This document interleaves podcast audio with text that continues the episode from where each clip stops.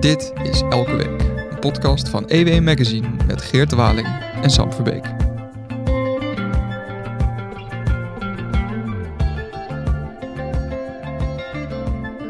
Hallo en welkom bij een extra aflevering van uh, podcast Elke Week van, uh, van EW Magazine. Uh, we zitten hier voor een extra aflevering, zit ik hier met Ron Kosterman. Die heeft een groot stuk geschreven over onze Nederlander van het jaar, van, voor het jaar 2023. Hi Ron. Hi. Wie is Nederlander van het jaar geworden? Dat is uh, Peter Wenning, dat is de CEO van ASML.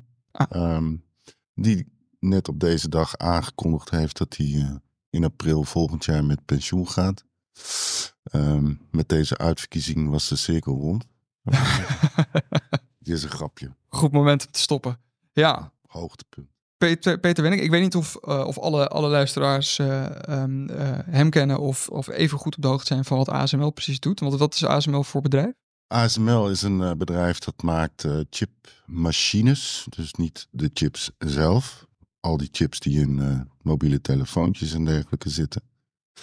Um, nou ja, je vertelde net wat anders over je vriendin, maar het zijn die chips, technologie chips. Geen paprika, geen natuurlijk. En zij maken dus de machines en zij maken de aller, aller, allerbeste machines. Er is een zogeheten EUV-machine, dat staat volgens mij voor Extreme ultraviolet uh, licht. Um, en dan zijn ze de enige in de wereld die dat, uh, die dat kan maken. Um, en dan heb je de wat simpelere machines, DUV. En daar hebben ze een marktaandeel van rond de 85, 90 procent. Dus het is ook nog eens een keer een heel machtig bedrijf. En nu schreef je in je stuk ook dat nog geen vier jaar geleden de BBC over ASML schreef dat het een nogal ja. obscuur bedrijf is eh, ergens midden in Nederland. Ja. Dus in de afgelopen vier jaar is dat toch wel heel erg veranderd. Ja, het, voor de buitenlanders, voor, voor mensen in Nederland die het bedrijfsleven volgen, is ASML natuurlijk al veel langer een, een heel bekend bedrijf. Het komt voort uit Philips, zoals zoveel voortkomt uit Philips. En um, ja, het bedrijf is eigenlijk al een jaar of 10, 12 sowieso zeer succesvol. Groot speler. En nu is in de, in de afgelopen vier jaar heeft ASML een, een soort nieuwe rol gekregen. Eentje, op, eentje meer op het wereldtoneel. Want zij zijn ja. een beetje een, ja, een soort speelbal geworden in een, ja. in een tech-oorlog tussen China en Amerika. Dat begon onder uh, de regering van Trump. Klopt. In 2018 is het volgens mij echt gaan spelen. Maar in 2019 hebben de Amerikanen de Nederlandse regering onder druk gezet en met succes om uh, ASML geen exportvergunning te verlenen voor zo'n EUV-machine naar China. Omdat de Amerikanen niet willen dat uh, China die technologie in handen krijgt. En daar, daar draait het eigenlijk om. Maar waarom dan niet? Want uh, bedoel, China, Chinezen moeten toch ook telefoons maken? Ja, maar goed. Simpele dingen als telefoons of auto's of andere producten, die kun je prima met die DUV-machines maken. Maar met EUV, dat gaat echt om uh, kunstmatige intelligentie. Nou ja. Om volgsystemen van mensen. Um, ja, dat, dat hebben de Amerikanen liever niet uh, in, uh, in China. Ja, want deze de EUV-systemen die worden wel aan Amerika verkocht. Ja, en dat is ook wel een beetje het hypocriete, want Amerikaanse chipproducenten die dus degene die de chips maken, die verkopen hun chips die gemaakt zijn met die hele gecompliceerde machines, die verkopen ze gewoon naar China.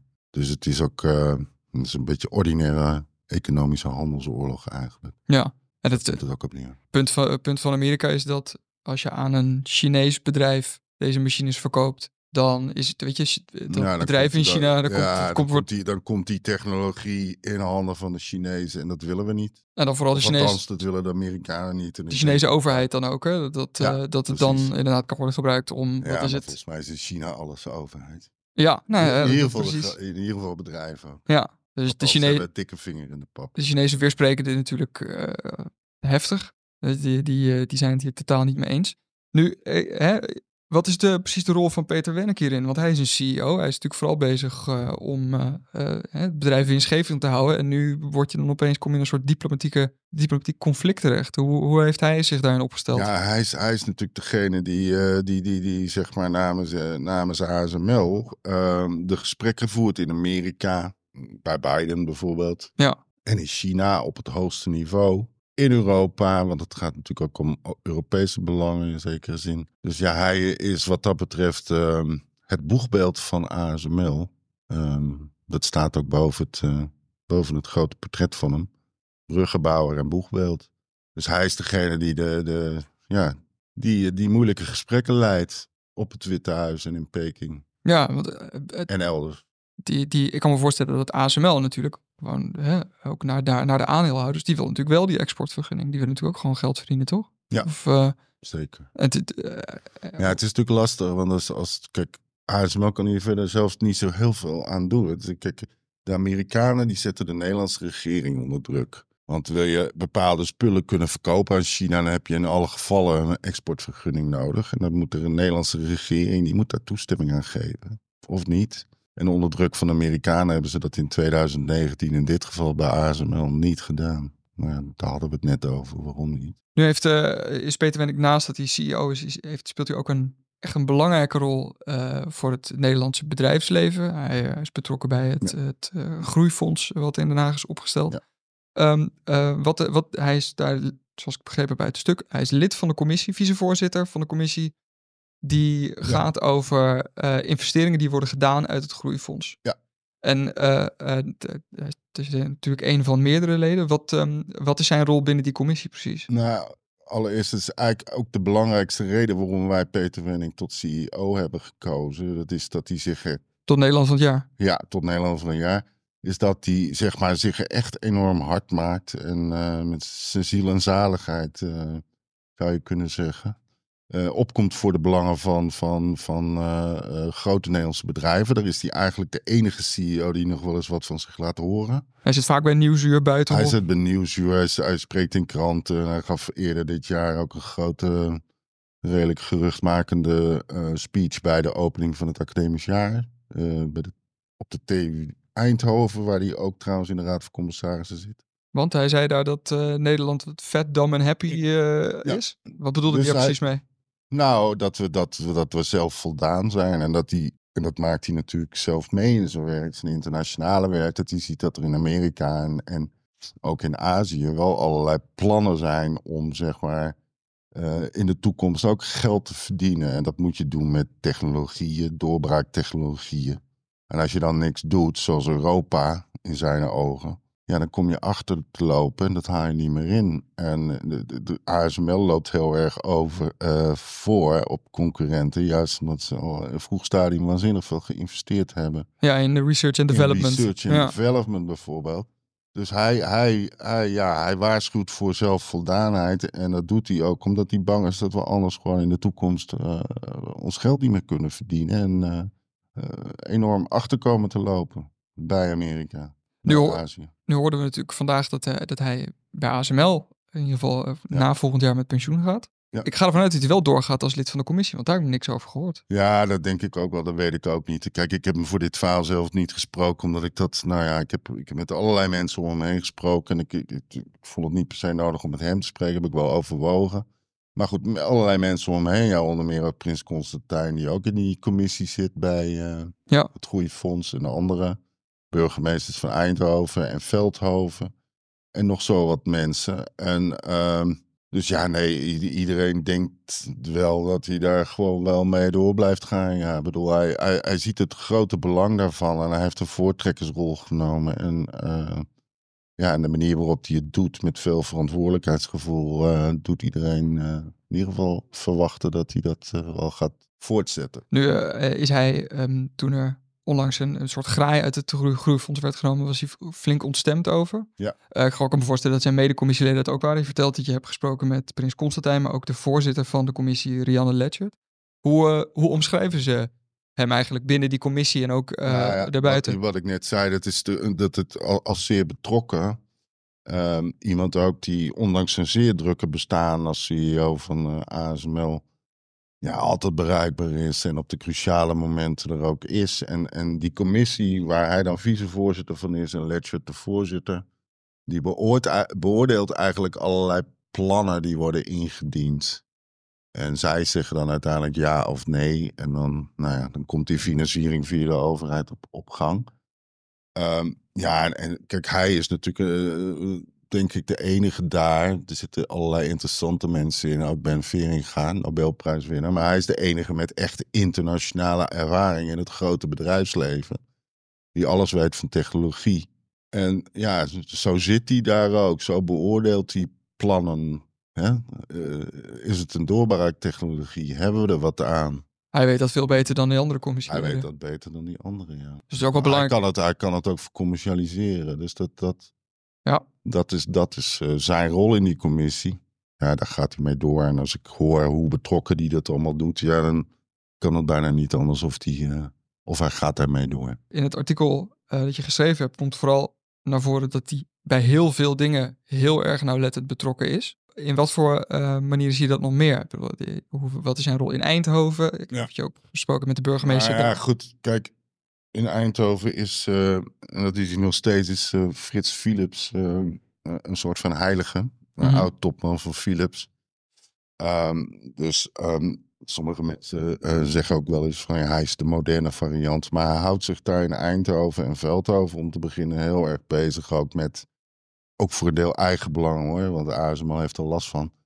Met een woningtekort. Hij houdt zich bezig ook met allerlei maatschappelijke projecten. Hij, hij heeft geregeld, daar heeft hij ook een voortrekkersrol gespeeld. Dat, uh, dat er 1,6 miljard wordt uitgetrokken de komende jaren om, om die regio bereikbaar te houden. Dat betaalt de Rijksoverheid ook aan mee, 1 miljard.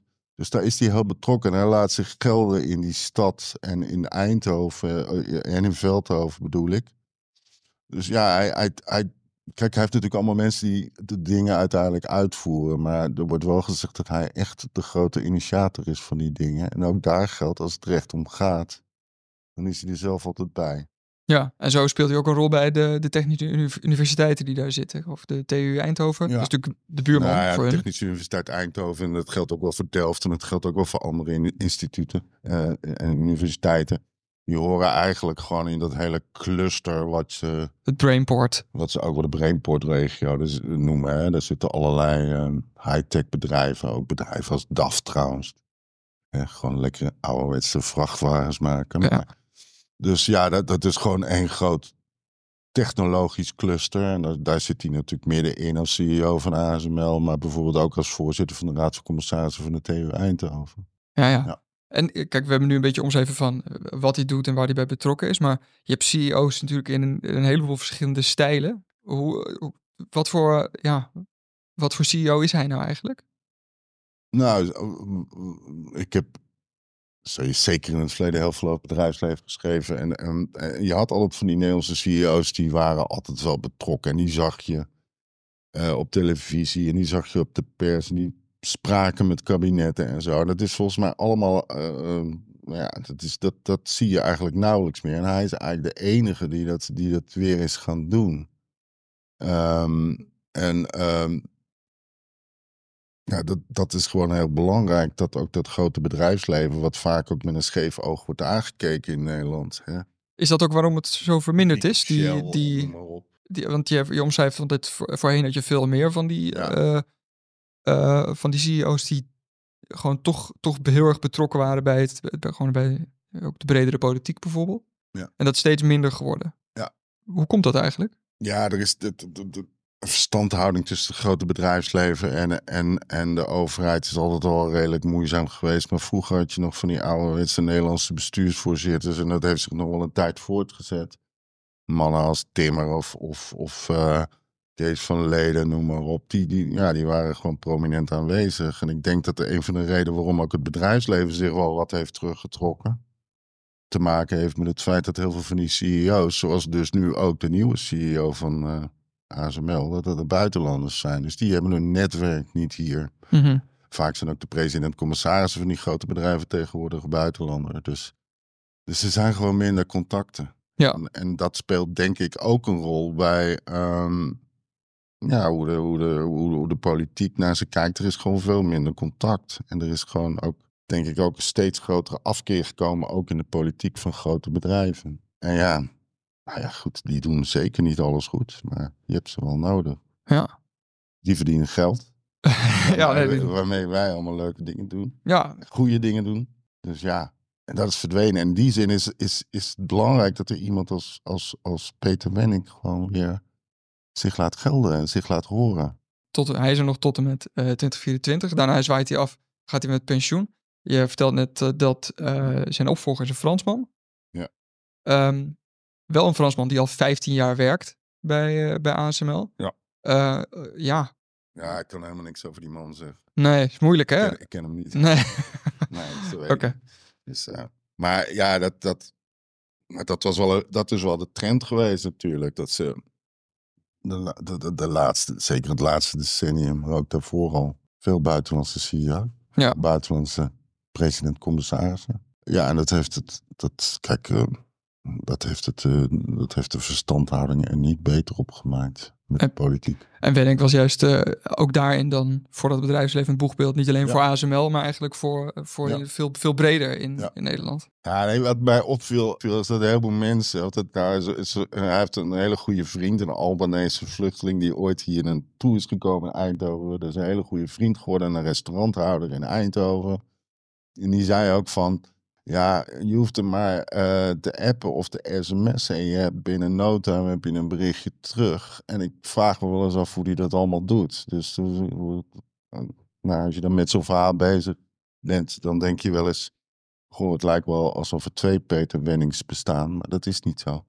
Ja, dat viel heel erg op, dat hij dat hij altijd heel snel reageert. En dan, ja, als hij straks geen CEO meer is, kan hij nog veel sneller reageren. En Ja, hij kan dus ook, maar goed, het eh, moet blijken, maar hij kan, hij kan natuurlijk van, van zeer grote betekenis blijven door in ieder geval die, die functie eh, als boegbeeld eh, te blijven spelen. nou dat zou fantastisch zijn. Eh, Peter Wenning, EW Nederlander van het jaar. Eh, Ron, ik wil je, wil je heel erg bedanken. En tot snel. Graag gedaan. Dit was Elke Week. Een podcast van EW Magazine met Geert de Waling en mij, Sam Verbeek. Zoals elke week kan je de besproken artikelen ook vinden in onze show notes. Voor dit een leuke podcast? Abonneer je dan en laat een leuke review achter. Heb je vragen of opmerkingen? Geert kan je op Twitter vinden onder Geert. Ik ben op Twitter te vinden onder SamWV. Je mag me natuurlijk ook mailen naar sam.verbeek.ewmagazine.nl Dank voor het luisteren naar Elke Week. Tot volgende.